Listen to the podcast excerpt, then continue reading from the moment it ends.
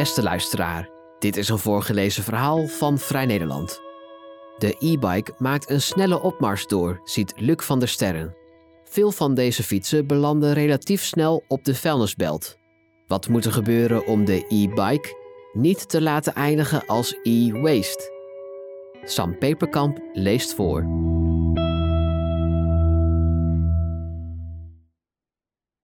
Het zal weinigen zijn ontgaan dat de elektronische fiets een snelle opkomst doormaakt. Meer dan de helft van de 855.000 fietsen die in 2022 in Nederland werden verkocht, was elektrisch. Van iedere zes fietsen die op dit moment op de Nederlandse fietspaden rijden, is er één waarvan de bestuurder zelf nauwelijks hoeft te trappen. In de grote steden, en met name in de hoofdstad, is die ontwikkeling duidelijk terug te zien in het straatbeeld. Dat wordt sinds de coronapandemie gedomineerd door e-bikes van het Brusselse Cowboy, het Amerikaanse Bird en vooral het Amsterdamse Van Moof. Deze merken onderscheiden zich met hun strakke ontwerp, dito-afwerking en ingebouwde slimmigheidjes, zoals een slot dat je ontgrendelt met je telefoon. Ze presenteren zichzelf dan ook niet zozeer als fietsproducent, maar eerder als techbedrijf annex lifestyle brand. Van Moof heeft als slogan Ride the Future en dropt zo nu en dan limited editions van zijn fiets. Bij Cowboy staan de specs, de specificaties, volgens medeoprichter Tengui Goretti, onderaan de site. Hij zegt in een interview met het Vlaamse tijdschrift Knak Anders dan onze concurrentie pakken wij niet uit met technische specificaties of met boodschappen als wij hebben de beste batterij. Wij verkopen een nieuwe levensstijl, de vrijheid die je hebt als je op een fiets van cowboy door de stad rijdt. Aan die levensstijl hangt wel een prijskaartje, want de nieuwste modellen van Cowboy en van Moof kosten 3000 euro. De welvaartskloof op wielen noemde het parool de fietsen van het Amsterdamse bedrijf in januari van dit jaar. De kop van het stuk: Met zo'n fiets ben je letterlijk een winnaar. Zelf heeft Van Moof weinig moeite met dat imago. Bij monden van zijn perswoordvoerder vergelijkt het bedrijf zich met een Apple of een Tesla, een direct-to-consumer brand die alles van de hardware tot en met de tech in onze fietsen zelf ontwerpt. Het jaarverslag stelt dat het doel is één ultieme, naadloze rijervaring te creëren. De keerzijde van dat naadloze, zogenaamde Apple- en Tesla-model Gewone stervelingen zijn nauwelijks meer in staat om zich met de techniek te bemoeien. Prettig zolang de fiets het doet, maar als er iets stuk gaat, ben je overgeleverd aan de macht van de fabrikant. Als er iets met de elektronica is of de motor werkt niet goed, dan kan de fiets op transport naar Amsterdam. Daar is voor ons geen beginnen aan, zegt fietsenmaker Laurent Derven.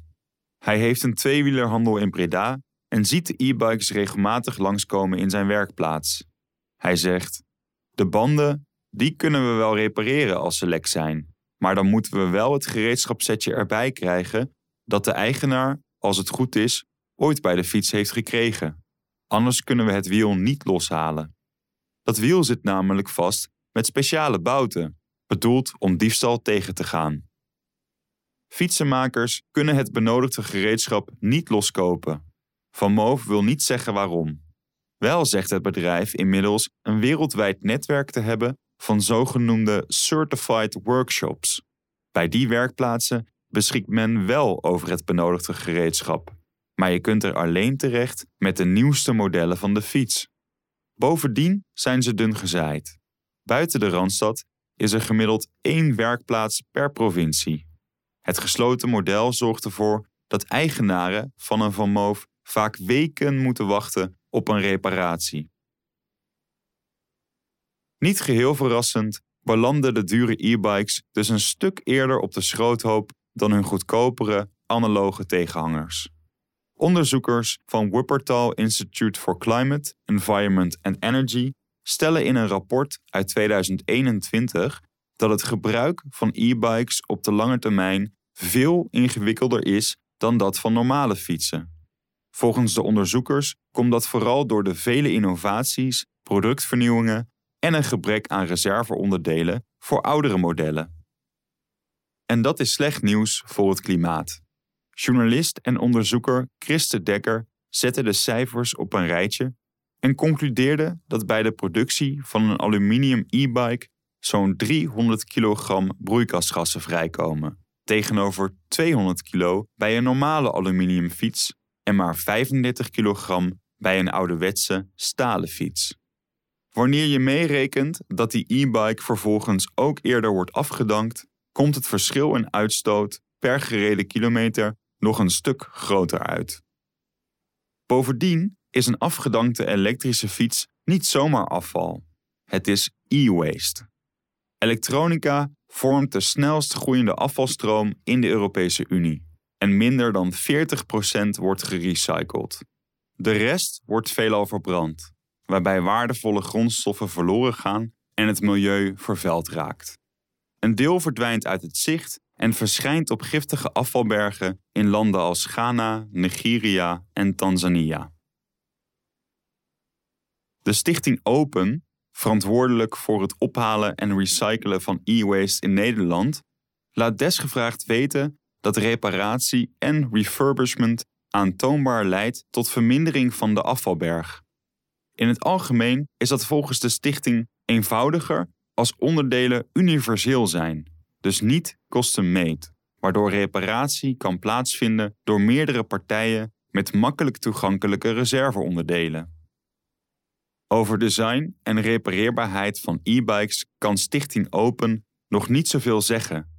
De stichting recycelt nog maar weinig e-bikes, aangezien deze volgens hen pas zeer recent op de markt zijn gezet.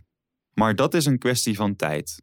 Belangenvereniging RAI schat dat een normale traditionele fiets in Nederland een levensduur heeft van zo'n 13 jaar. Bij een e-bike is dat een derde tot de helft minder. Zo mikt Cowboy, volgens medeoprichter Goretti, op een levensduur van 10 jaar. Maar die 10 jaar is buiten de accu gerekend, de Achilleshiel van de e-bike. Net als bij een laptop of een smartphone is dat een lithiumbatterij en die verliezen na zo'n 3 tot 5 jaar hun opslagcapaciteit. Hier wreekt zich het gesloten model van e-bikes. Traditionele merken als Batavus, Gazelle en Stella gebruiken zogeheten universele onderdelen van bedrijven als Bosch, Befang en Shimano. Een nieuwe accu is voor deze fietsen los te koop en goed verkrijgbaar. Maar Cowboy, Bird en Van Moof hebben een eigen ontwerp wie zo'n fiets heeft, kan wanneer de accu het begeeft, dus alleen bij de fabrikant terecht. Wat als die fabrikant geen onderdelen meer wil kan leveren? Met die vraag werden klanten van Cowboy begin dit jaar geconfronteerd. In februari meldde de Vlaamse zakenkrant De Tijd dat Cowboy financieel in zwaar weer verkeerde. De miljoenenverliezen bij het bedrijf stapelen zich al jaren op. Overigens net als bij Van Moof. Volgens de tijd was Cowboy op korte termijn op zoek naar een investering van 15 miljoen euro. Dat was schrikken voor de klanten van het bedrijf, want ook Cowboy gebruikt grotendeels zelf ontworpen onderdelen. Een vervangende aandrijfriem of accu is dus alleen bij Cowboy zelf te koop. Maar dat was niet de grootste zorg, vertelt fietsenmaker Laurent Derven.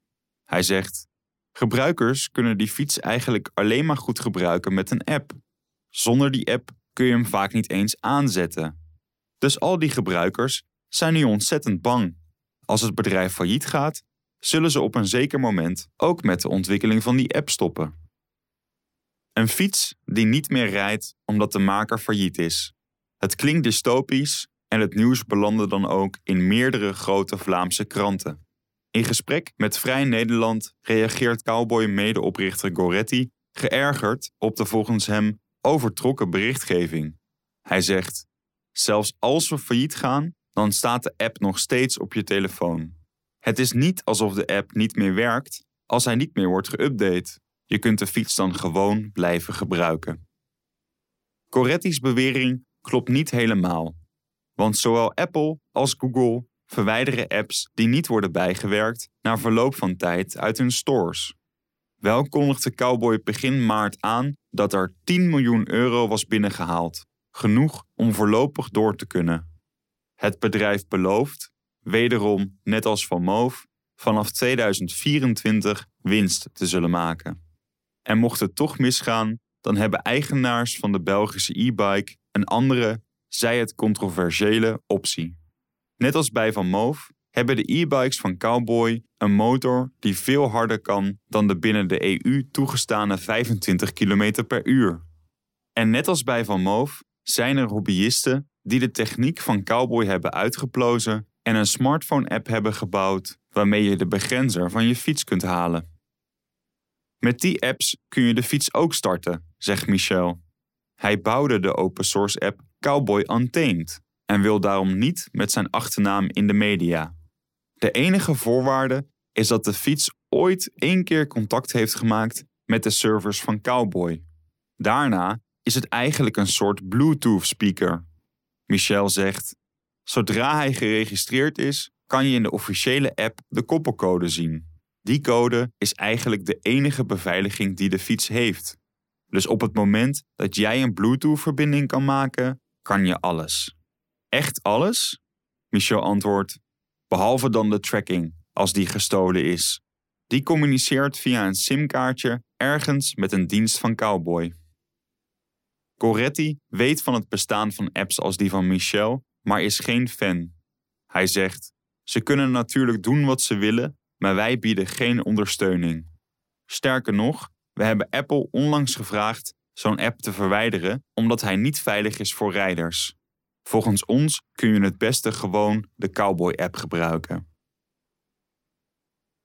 Voorbeelden als Cowboy en Van Moof laten zien waarom het belangrijk is dat bedrijven, al dan niet verplicht, handleidingen, technische kennis en onderdelen beschikbaar stellen, zegt Charlotte Pavillon. Ze is hoogleraar privaatrecht aan de Rijksuniversiteit Groningen en gespecialiseerd in kwesties rond duurzaamheid en consumentenrecht. Pavillon zegt: Vanuit het oogpunt van circulariteit is het heel belangrijk dat onafhankelijke reparatie mogelijk wordt gemaakt. Zolang er nog een goede reparatie mogelijk is door de fabrikant, is dat de eerste weg. Maar als dat wegvalt, moet er gewoon een plan B zijn. Het zou absurd zijn als door het verdwijnen van zo'n bedrijf een fiets niet langer gebruikt kan worden. In Europa is het vooral de Europese Unie die op dit vlak met beleid en regelgeving verbetering kan bewerkstelligen. Wat dat betreft hoort Pavillon hoopvolle geluiden uit Brussel. Ze zegt: De Green Deal wordt op Europees niveau heel serieus genomen, ook op het terrein van consumentenrecht. Het Europees Parlement zet er bijvoorbeeld heel veel druk op dat producten allemaal een repareerbaarheidsscore krijgen, zodat je bij aanschaf kunt zien hoe groot de mogelijkheid is om het te repareren. In Frankrijk is zo'n label sinds 2021 al verplicht voor smartphones, laptops, televisies, wasmachines en grasmaaiers. Vanaf 1 januari 2024 wil Frankrijk het label uitbreiden naar een breder duurzaamheidslabel, dat bijvoorbeeld ook meeneemt hoe goed onderdelen als batterijen te recyclen zijn. Ook zullen vanaf dan speelgoed, auto's en gemotoriseerde tweewielers onder het stelsel vallen. Pavillon merkt wel op dat je aanvullende regels nodig hebt om die repareerbaarheid af te dwingen. Ze zegt: Het moet ook in het ontwerp van het product zijn vastgelegd. In die ontwerpfase heb je verreweg de meeste invloed op hoe duurzaam producten zijn. Dus daar moet, naar mijn idee, heel erg op worden ingezet. Die boodschap is in Brussel ook aangekomen. Eind 2022 bereikte de Europese Unie een akkoord over nieuwe ontwerpeisen voor batterijen. Zo moeten fabrikanten het mogelijk gaan maken dat zogenoemde onafhankelijke professionals, zoals fietsenmaker Laurent Derve, de batterijen van hun producten kunnen vervangen. En in maart 2023 kwam de EU overeen dat fabrikanten van huishoudelijke apparaten, smartphones en computers maar nog geen e-bikes, verplicht worden hun producten tot 10 jaar na aankoop te repareren. Zowel Cowboy als Van Moof zeggen voorstander te zijn van het right to repair, zoals deze discussie is gaan heten. Coretti zegt dat de nieuwste modellen van zijn cowboy al een stuk beter te repareren zijn dan hun voorgangers. En volgens Van Moof gaat het vooral om het voorkomen van e-waste. Naar eigen zeggen, iets waar wij als bedrijf helemaal achter staan, sinds ver voor ze het daar in Brussel over hadden.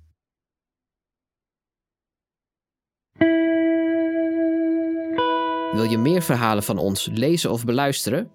Kijk dan op vn.nl of abonneer je op Vrij Nederland in je podcast-app. Voor onze trouwe luisteraars hebben wij ook een speciale actie. Een half jaar Vrij Nederland online voor maar 15 euro. Kijk voor de aanbieding en de voorwaarden op vn.nl/podcast. Bedankt voor het luisteren.